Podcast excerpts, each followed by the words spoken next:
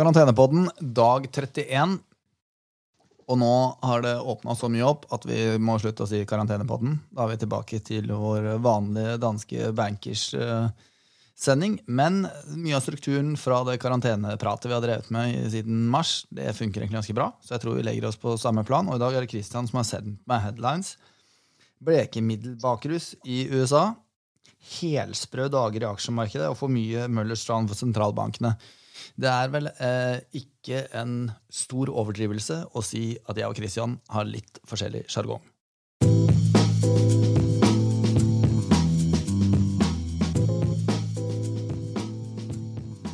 Er du med meg, Christian?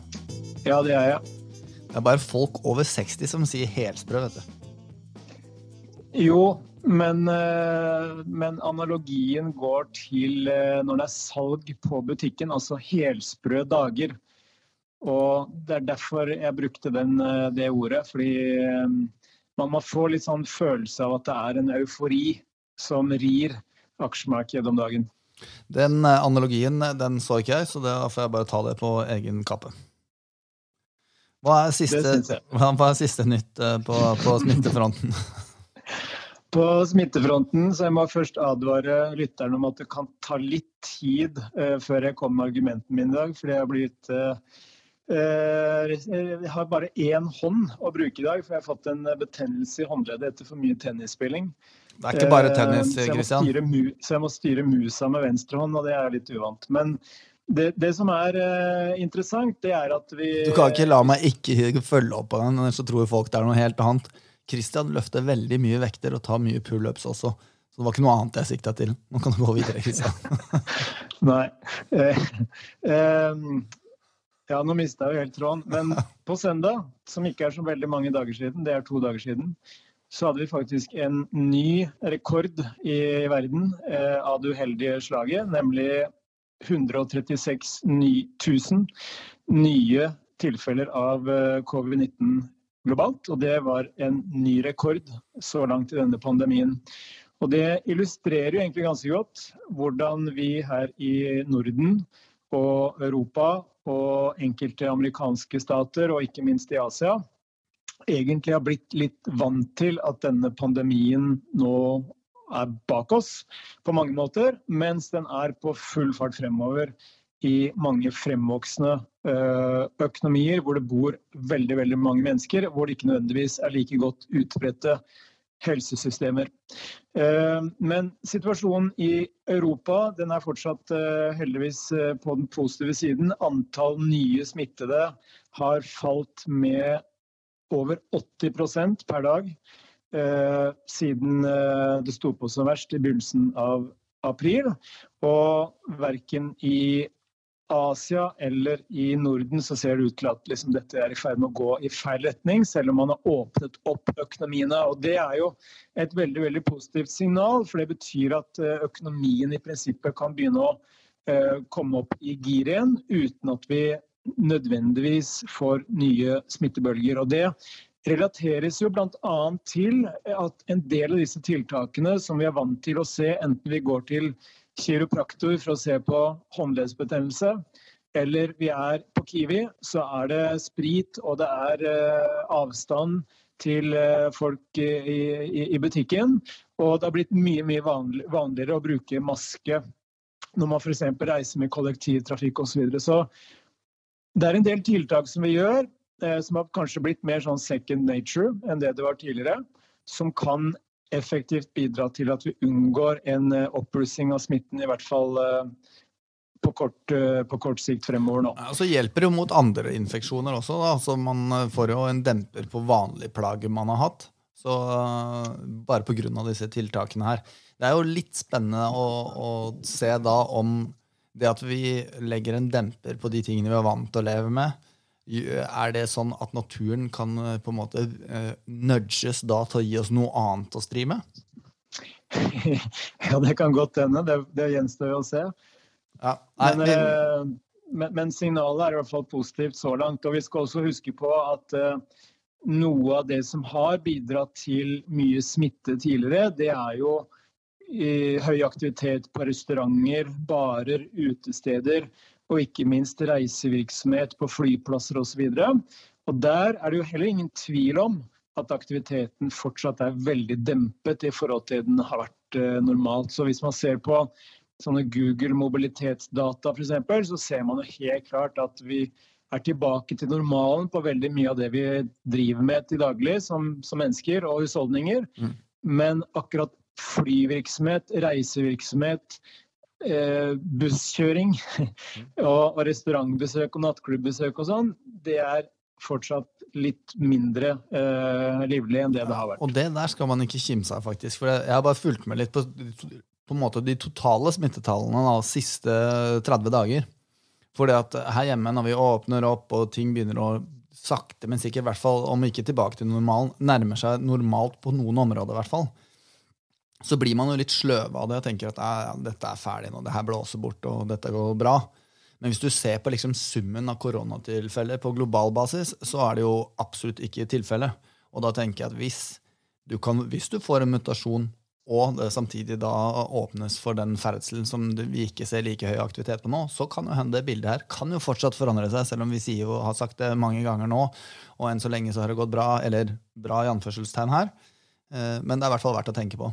For tallet totalt sett med smittede Nå vet jeg ikke fullstendig recovery rate globalt, men over syv millioner er smitta globalt, og det er et brutalt tall. Ja, det er det. Og man ser også sånn som f.eks. Eh, Iran. De har jo nå en daglig økning i antall nye smittede på rundt 3000. Det er det samme som på det verste i, i mars. Eh, de peker på at det skyldes økt eh, omfang av testing, men myndighetene i Iran sier også at det har vært ganske mye slapphet blant befolkningen i forhold til å holde seg til anbefalte smitteverntiltak osv. Mm.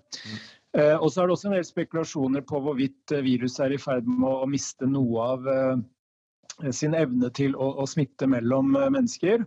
Og det er det enkelte ting som tyder på at ikke skjer. Eksempelvis i Polen nå så har man hatt en, en, en såkalt, såkalt superspredningshendelse. Dvs. Si at eh, i en liten by eh, syd i Polen så er nå 500 av 1000 eh, innbyggere, så det er en ganske liten by, blitt satt i karantene etter at én en enkelt eh, begivenhet da førte til en ganske omfattende smittespredning. Ja. Men, det, men det, som vi skulle litt tilbake til da, med tanke på dette blekemiddelgreiene, det er en interessant sak som har dukket opp fra USA, hvor Centers for Disease Control and Prevention som da er det godt kjent som CDC, eh, de har laget en rapport som viser at eh, i løpet av eh, mai så var det 39% av amerikanerne i en spørreundersøkelse som oppgir at de har benyttet uh, rensemidler som da normalt finnes i husholdningen, som f.eks. blekemiddel eller desinfeksjonsmiddel til å prøve å enten preventivt forhindre at man blir smittet, eller å behandle en eksisterende covid-19-sykdom. Uh, Og det er jo ganske skremmende, for det betyr jo at altså 40% av amerikanerne har prøvd å bruke f.eks. blekemiddel som Trump eh, hintet om at man kanskje burde injisere i kroppen. ja, det var vel sånn desinfiserende han, eh, han nevnte. Ja, det var desinfeksjonsmiddel, da. Men, ja. men altså 18% av amerikanerne har forsøkt å, å vaske hendene eller huden sin med desinfeksjonsmiddel eller eh, sånne klor-type eh, væske. Eh, mens andre da har brukt eh, ja, Hele 6 sier at de faktisk har inhalert eh, gassen fra blekemiddel eller eh, andre typer desinfiseringsprodukter. Ja, det er jo bare å ta av seg hatten. ja. og, og, en god andel av disse har jo da rapportert inn enkelte uheldige bieffekter eh, av, av, av, disse forsøkene. Ja. Uff da. Ja, ja. Nei, la oss eh, bevege oss over til markedet, Kristian.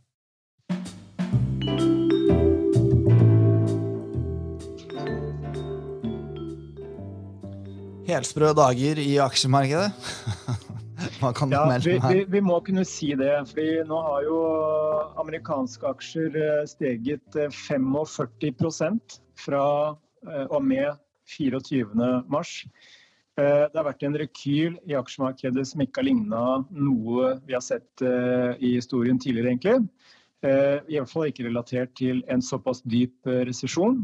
Nå kan det jo bli at det kan jo være at denne resesjonen blir historisk kort også. Eh, Det ser jo eh, lovende ut så langt i hvert fall. Men det vi har sett vitne til de siste dagene, er at investorene de begynner nå å, å fatte ekstra mye interesse for selskaper som eh, ikke nødvendigvis kommer helberget ut av denne krisen. Apropos det. eksempel så har jo Apropos det, da må jeg bare skyte en liten kommentar. Hvis du hadde investert 10 000 dollar i Hatch dagen etter at de eh, søkte om konkursbeskyttelse, så hadde det vært verdt 125 000 dollar i dag. Ja, det hørtes litt lite ut. Eh, fordi eh, Hertz var nemlig et av poengene mine, som du da tydeligvis har stjålet. Så, sånn er det når man sitter eh, langt fra hverandre. Jeg så en tweet fra min tidligere sjef, faktisk. Ja. Men eh, poenget er at eh, Hertz, som da søkte om eh, konkursbeskyttelse eh, 22. mai, og i USA, eller konkursbeskyttelse i Norge og kon kon konkursbeskyttelse i USA, det er to litt forskjellige ting. Fordi i USA så handler dette om såkalt chapter 11-beskyttelse, som ofte er en, en konkursbeskyttelse, eh, hvor eh, selskapet da får en viss periode på seg til å restrukturere gjeld og få nye penger inn i selskapet osv. Så, videre. så selskapet går i konkurs eh, med, med en gang. Men dette er da et selskap eh, som tidligere har drevet med ut bilutleie, som alle vet. Hertz, et veldig gammelt selskap. Og per i går så uh, har den aksjen da steget 521% i løpet av de siste fem handelsdagene. Og det er da en aksje som har blitt spesielt populær eh, på en handelsplattform som heter Robinhood, hvor amerikanske eh, retail-investorer kan eh, handle uten kurtasje. Eh, og det er da 80 000 nye aksjonærer i eh, Hertz i løpet av eh, en veldig veldig kort periode. Et annet selskap som også har søkt om eh, konkursbeskyttelse, det er JC Penny, som er en sånn detaljhandelskjede. Også der aksjen opp nesten 200% i løpet av den siste uka. Og dette er jo et eksempel på hvordan investorene nå egentlig kjøper aksjer som mer ligner på opsjoner.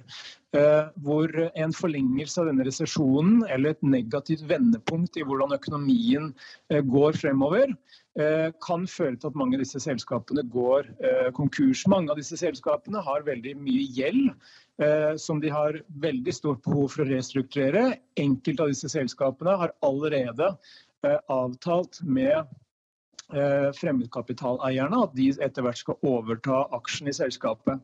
Så at eh, retail-investorene hiver seg på denne typen aksjer, det er et lite tegn på at vi har en liten sånn eufori eh, i, i, i aksjemarkedet i øyeblikket, og med litt sånn bobletendenser, hvis vi skal kunne kalle det det. Eller, eller helt dager. Eller helsprø dager, som vi pleier å si her på Hamar, når det er veldig, veldig billig. Ok. Er det noe mer vi skal si om markedet før vi går over til policy?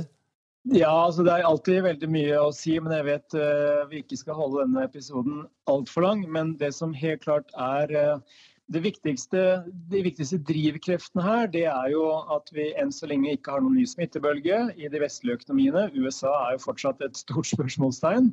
Uh, vi har massive stimulanser, og det kommer enda mer. Vi har fått varsler om nye tiltak fra ECB forrige uke, fra EU som er på, på gang, og ikke minst Tyskland også, som nå eh, endelig er i ferd med å, å våkne opp og bruke av eh, den finanspolitiske kapasiteten som de tross alt har.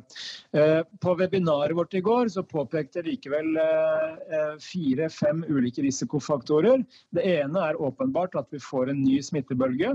Det andre er at den økonomiske boosten som vi ser nå, den begynner å visne.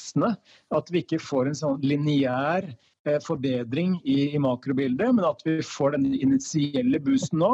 Og så begynner det å visne litt hen ettersom arbeidsledighetsnivået fortsatt er veldig høyt. Vi har mye risiko, geopolitisk risiko, som bidrar til å holde kapitalinvesteringene nede.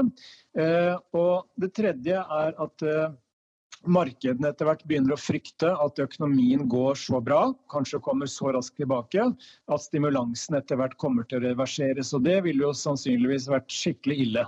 Fordi Er det én ting som er med på å drive dette markedet oppover, så er det jo det voldsomme omfanget av stimulanser.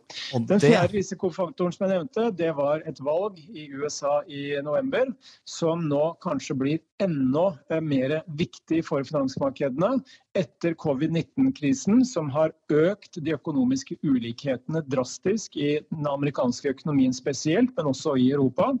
Og ikke minst eh, George Floyd-protestene rundt omkring i hele verden, som også har satt søkelyset på økonomisk uh, ulikhet, ikke bare mellom uh, å si rike og fattige, men spesielt da rettet mot uh, afroamerikanere og, og mennesker med minoritetsbakgrunn, eksempelvis USA, som har vært spesielt hardt rammet av krisen på den økonomiske siden. Og Det femte er jo USA og Kina, som fortsatt er en, en, en het potet. og Selv om man kan kalle den en het potet, så skriver jo enkelte andre, om f.eks. Financial Times, om at vi nå i prinsippet har en ny kald krig mellom USA og Kina. Ja, Men du, fordi at jeg elsker punkter, så er det helt greit at du dro tre-fire minutter der, selv om snart uh, ungen min står utenfor barnehagen. Men vi må allikevel over på noe av det du nevnte veldig mye i det du sa her, som er da uh, som du ville sagt det, uh, sentralbanker som har fått for mye Møllerstrand, eller, eller sentralbanksjefer på steroider. Hva er den korte oppsummeringen der? Den korte oppsummeringen er at det er en hårfin balansegang mellom å stimulere for lite, stimulere akkurat passe, og stimulere for mye. Fordi det er jo ingen som vet helt hvordan denne krisen påvirker økonomien, og hvor lenge resesjonen kommer til å vare. Og ikke minst hvilken dynamikk som setter i gang når man ikke lenger er så redd for smitte som man det har vært tidligere. Og Det man har sett eksempler på nå, f.eks. den amerikanske arbeidsmarkedsrapporten, det er jo at sysselsettingen, i hvert fall hvis vi skal tro på tallene Nå er det litt sånn, eh, Man skal sannsynligvis ta det med en klype salt. At økonomien faktisk har potensial til å komme raskere tilbake, og kanskje kraftigere også, enn det sentralbankene og politikerne har trodd. Og hvis det blir slik at økonomien kommer raskere tilbake, og vi ikke havner på 80 eller 90% av normalnivå, men vi kommer tilbake til 100, eller kanskje til og med mer, så er det klart at mange av de ekstreme stimulansene vil fremstå som overflødige. Og da vil det for det første kunne utløse en eh, høyere prisvekst i økonomien enn det investorer, aksjeinvestorer, eh, obligasjonsinvestorer og sentralbankene selv er komfortable med. Det kan bli én historie etter denne krisen. Eh, men det andre er jo selvsagt at eh, hvis vi noen gang i historien har sett et aksjemarked som er så rentefølsomt som nå, så tror jeg ikke det har skjedd. Jeg tror med den ekstreme gjeldsoppbyggingen som vi har sett, med den høye prisingen av aksjer som vi har sett, som av mange, som, som av mange forsvares ved at rentenivået er så ekstremt lavt, så er det klart at hvis vi skulle få en situasjon der rentene begynner å stige, vi har allerede sett småtendenser, men hvis investorene begynner å lukte på at her er sentralbanken i gang med å reversere stimulansene, så kan det føre til høyere markedsrenter, som kan presse eh, optimismen i, i, finansmarkedene. Ja. Eh, du legger jo ballen på straffemerket ganske godt for noen åpenbare jokes, må jeg si. Særlig innledningsvis her. Men eh, som bankmann så får jeg holde meg for god til å etterfølge det. Er det noe du vil plugge før vi runder av, Kristian?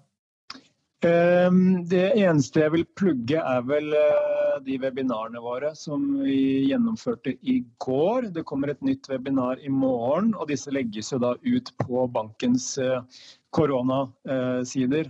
Eh, jeg husker ikke helt linken, men man kan i hvert fall søke seg frem til opptak av webinarene våre. Danskebank.no slash koronawebinar med C eller K. Så der kan yes. du se der. Og så oppfordrer jeg videre. Vi får veldig mye god input inn eh, via Twitter. Følg Christian på Twitter for å se hans eh, poster der, på at liechr. Eh, og så kan dere sende tilbakemelding, spørsmål etc. til meg gjennom Twitter på at askstensrud. Da tror jeg vi runder av fint der på 20 minutter. Kristian. Det gjør vi. Ha det. Ha det.